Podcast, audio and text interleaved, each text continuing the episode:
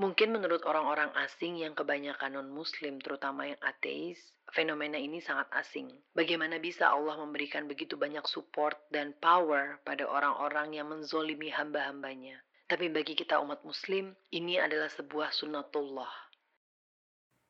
It's been 46 days since the Zionists commencing genocide and ethnic cleansing towards our Palestinian brothers and sisters. As the days go by, the more shameless and munafiq the Zionists have become. After rejecting the idea of ceasefire to their heinous crime, both sides have finally agreed to a humanitarian pause mediated by Qatar only to betray the world by carpet bombing another region of Palestine in the same night as the agreement. Many people were surprised on how deceitful and deceptive the Zionists are, but we Muslim know better that they are nothing but a munafiqun. When they speak, they lie. When they make promise, they break it. When we entrust them with something, they prove to be treacherous, and whenever they dispute, they are abusive. What do you expect from a descendant of Bani Israel? People who used to murder 43 prophets and 170 pious men who command them to do good in only one day. Ada sebuah pertanyaan dan jawaban yang muncul secara acak di feeds Instagramku. And it goes like this.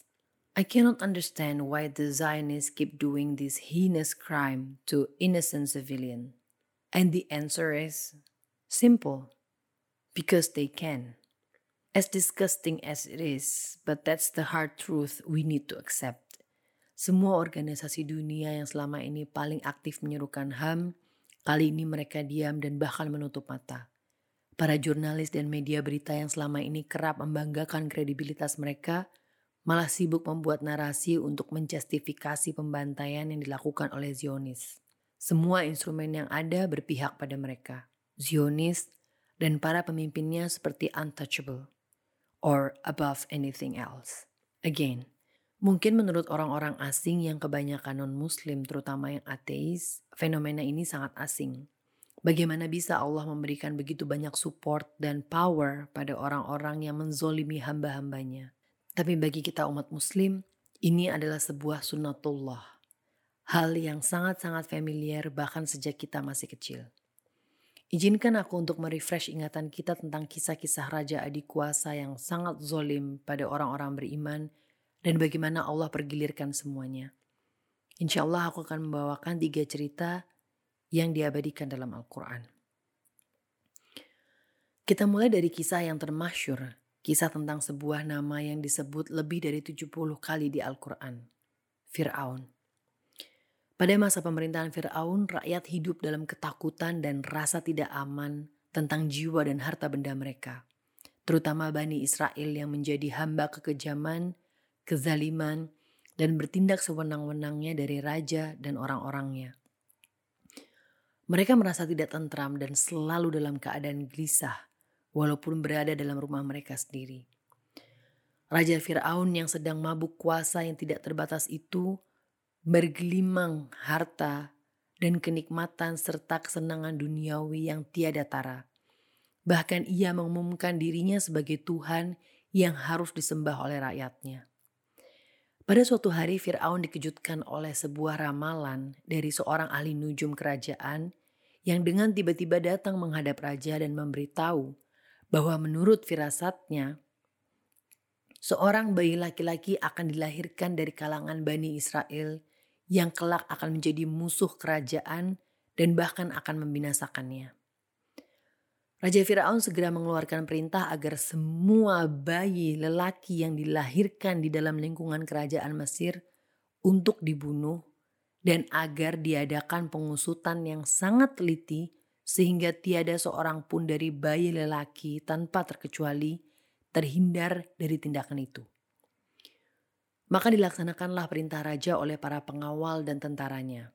Setiap rumah dimasuki dan diselidiki, dan setiap perempuan hamil menjadi perhatian mereka pada saat melahirkan bayinya.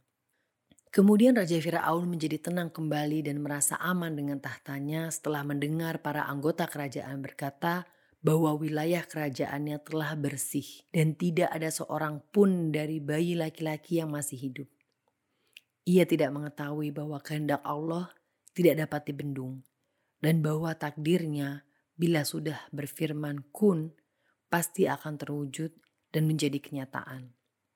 Tidak sesuatu kekuasaan bagaimanapun besarnya, dan kekuatan bagaimanapun hebatnya dapat menghalangi atau menggagalkan rencana Allah. Tidak pernah sedikit pun terlintas di pikiran Fir'aun yang kejam dan zolim itu bahwa kerajaan yang megah, menurut apa yang telah tersirat dalam lahul mahfuz, akan ditumbangkan oleh seorang bayi yang justru diasuhnya dan dibesarkan di dalam istananya sendiri kerajaan yang akan diwarisi kelak oleh umat Bani Israel yang dimusuhi, dihina, ditindas dan disekat kebebasannya. Bayi asuhannya itu laksana bunga mawar yang tumbuh di antara duri-duri yang tajam, atau laksana fajar yang timbul menyingsing dari tengah kegelapan yang mencekam. Bayi tersebut bernama Musa bin Imran. Seiring dengan berjalannya waktu, berbagai macam kezaliman dan kekejaman dilakukan oleh Fir'aun tanpa ada satupun orang yang bisa mencegahnya. Pembunuhan atas orang-orang yang tidak mau mengakuinya sebagai Tuhan pun terus terjadi. Berbagai macam cara telah dilakukan oleh Nabi Musa alaihissalam untuk mengajak Fir'aun dalam kebaikan, menyuruhkan kebenaran untuk menyembah Allah yang Maha Esa. Berbagai macam musibah pun telah Allah timpakan pada kerajaan Firaun untuk membuat dia dan rakyatnya sadar. Mulai dari kekeringan, banjir, wabah belalang yang memakan habis tanaman mereka, wabah katak yang memenuhi setiap jengkal tanah, bahkan hingga sungai Nil yang berubah menjadi darah dan berbau sangat anyir. Tapi setiap kali itu pula lah Fir'aun dan rakyatnya akan berjanji pada Nabi Musa alaihissalam untuk beriman kepada Allah hanya untuk kemudian mengingkarinya saat Nabi Musa alaihissalam berdoa agar Allah hilangkan musibah tersebut. Kemudian Firaun semakin buta dengan kekuasaan dan kekuatan yang ia miliki sehingga merasa bahwa tidak akan ada apa pun yang bisa membunuhnya. Hingga peristiwa terbelahnya Laut Merah pun terjadi. Kesombongan membawanya pada sebuah keputusan bodoh untuk ikut mengejar Nabi Musa alaihissalam dan umatnya menyeberangi Laut Merah. Hingga akhirnya Allah menyatukan kembali laut yang terbelah beserta dengan Fir'aun dan pasukannya di dalamnya. Lalu Allah utuhkan jasadnya seperti firman Allah dalam surat Yunus ayat 90 sampai dengan 92. Dan kami memungkinkan Bani Israel melintasi laut, lalu mereka diikuti oleh Fir'aun dan bala tentaranya, karena hendak menganiaya dan menindas mereka. Hingga bila Fir'aun itu telah hampir tenggelam, berkatalah dia, saya percaya bahwa tidak ada Tuhan melainkan Tuhan yang dipercayai oleh Bani Israel. Dan saya termasuk orang-orang yang berserah diri kepada Allah. Apakah sekarang kamu baru percaya, padahal sesungguhnya kamu telah durhaka sejak dahulu. Dan kamu termasuk orang-orang yang berbuat kerusakan. Maka pada hari ini kami selamatkan badanmu supaya kamu dapat menjadi pelajaran bagi orang-orang yang datang sesudahmu. Dan sesungguhnya kebanyakan dari manusia lengah dari tanda-tanda kekuasaan kami. Kisah selanjutnya juga tidak kalah masyur. Suatu ketika dulu hiduplah seorang raja bernama Namrud. Ia merupakan raja yang angkuh dan sombong. Wilayah kekuasaannya begitu besar membentang dari belahan timur dan barat dunia. Namun Namrud juga dikenal sangat kejam karena tak segan membunuh tiap bayi laki-laki yang baru lahir sebab khawatir akan menggantikannya atau menyerangnya. Lalu ia memerintah selama ratusan tahun dengan sangat zolim dan lagi-lagi mengaku dirinya sebagai Tuhan. Dalam masa pemerintahannya, ia mendengar tentang seorang bernama Ibrahim yang menyebarkan agama baru, yaitu agama yang mengajak manusia untuk menyembah Allah. Namrud pun murka kemudian mengutus bala tentaranya untuk menangkap Nabi Ibrahim alaihissalam, kemudian membakarnya hidup-hidup. Namrud memerintahkan semua orang untuk mengumpulkan kayu bakar. Dan setelah terkumpul sampai menjulang tinggi, mereka mulai membakar setiap ujung tepian dari tumpukan itu. Sehingga apabila ada seekor burung yang terbang di atasnya, niscaya ia akan hangus terbakar. Mereka kemudian mendatangi Nabi Ibrahim alaihissalam lalu mengusungnya sampai di puncak tumpukan tinggi kayu bakar tersebut. Mereka lantas melemparkan Nabi Ibrahim alaihissalam ke dalam tumpukan kayu bakar yang tinggi dengan api yang menyambar-nyambar. Kemudian diserukan oleh Allah Subhanahu wa taala, "Wahai api, jadilah dingin dan selamat bagi Ibrahim." Seperti yang tertulis dalam Quran surat Al-Anbiya ayat 69. Mujizat itu pun tidak dapat menggoyahkan kesombongan dan kekufuran Namrud untuk menyambut seruan kebenaran Nabi Ibrahim alaihissalam. Akhirnya Allah subhanahu wa ta'ala mengirimkan seekor serangga, semacam nyamuk atau lalat, untuk masuk melalui hidung Namrud dan langsung menuju kepalanya. Terjadi khilaf berapa lama lalat atau nyamuk itu berada di dalam kepala Namrud. Tapi setiap kali kepalanya terasa sakit karena serangga tersebut, Raja Namrud menghantukkan kepalanya ke tembok istana berulang kali. Bahkan ada beberapa kisah yang menyatakan bahwa Namrud meminta orang-orang untuk memukul kepalanya dengan kayu agar serangga tersebut bisa mati. Namun akhirnya Namrud dululah yang mati. Dan sesaat setelah ia mati, serangga tersebut keluar begitu saja dari lubang hidungnya. Kisah terakhir ini terdapat pada surat pendek yang mungkin hampir sebagian besar dari kita sudah belajar menghafalnya sedari kecil. Surat ke-105 yaitu Al-Fil. Cerita ini aku ambil dari almanhaj.co.id. Dikisahkan bahwa gubernur Yaman pada saat itu yang bernama Abraha memiliki ambisi yang sangat kuat agar manusia mau beralih melakukan haji dari Ka'bah menuju negerinya. Sehingga untuk mewujudkan ambisinya tersebut, dirinya membangun sebuah gereja yang menyerupai Ka'bah. Lalu ia mulai menyebarkan ambisinya dengan mengajak orang-orang untuk berhaji ke tempatnya. Mendengar berita itu, orang Arab pun marah besar. Sehingga ada seseorang dari kalangan mereka yang datang berkunjung ke gereja itu yang dijadikan oleh penguasa Yaman sebagai Ka'bah. Kemudian pada suatu ketika orang Arab tadi buang kotoran lalu melumurkannya pada tembok gereja. Mengetahui kejadian itu, gubernur murka besar. Dan ketika mengetahui bahwa itu adalah perbuatan orang Arab, maka dirinya memobilisasi pasukan besar menuju ke Mekah. Dan yang menjadi tunggangan mereka adalah gajah.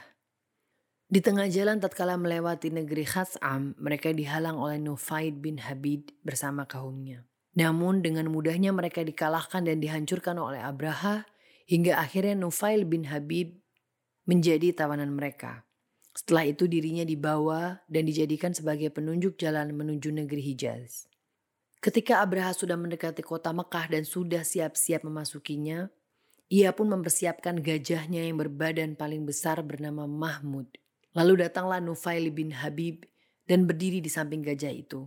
Lalu ia memegang telinganya sambil membisikkan, Mogoklah hai Mahmud, kembalilah dengan benar ke tempat dari mana kamu datang sebab kamu kini sedang berada di negeri Allah Subhanahu wa taala yang haram.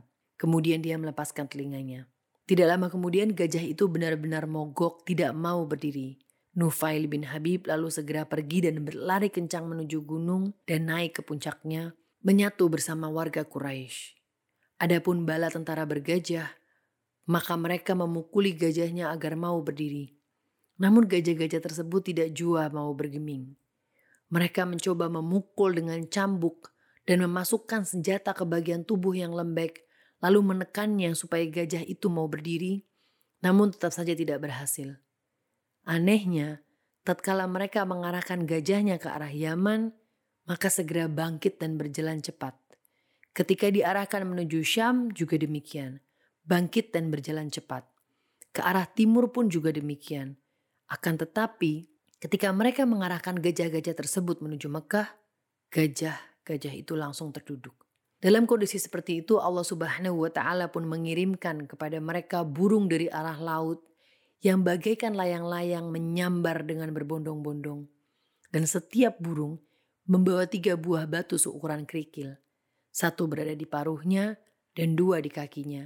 Tidak ada satu batu pun yang menimpa kepala para tentara bergajah, melainkan pasti hancur dan tidak semua pasukan ini terkena lemparan batu tersebut. Maka mereka lari berpencaran mencari jalan pulang. Lalu mereka berusaha mencari Nufail supaya memberitahu arah jalan pulang ke negerinya. Tapi Nufail sudah berada di puncak gunung bersama warga Quraisy dan warga Arab lainnya. Well, what I'm trying to say is, yang jatuh tak akan selamanya jatuh, dan yang di atas tak selamanya meninggi. Yakinlah akan janji Allah. Tenanglah kita mendengar firman Allah. Jika kamu pada perang Uhud mendapat luka, maka sesungguhnya kaum kafir itu pun pada perang Badar mendapat luka yang serupa.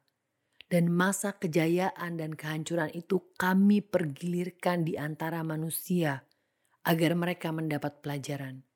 Dan supaya Allah membedakan orang-orang yang beriman dengan orang-orang kafir supaya sebagian kamu dijadikannya gugur sebagai syuhada. Dan Allah tidak menyukai orang-orang yang zalim. Quran Surat Al-Imran ayat 140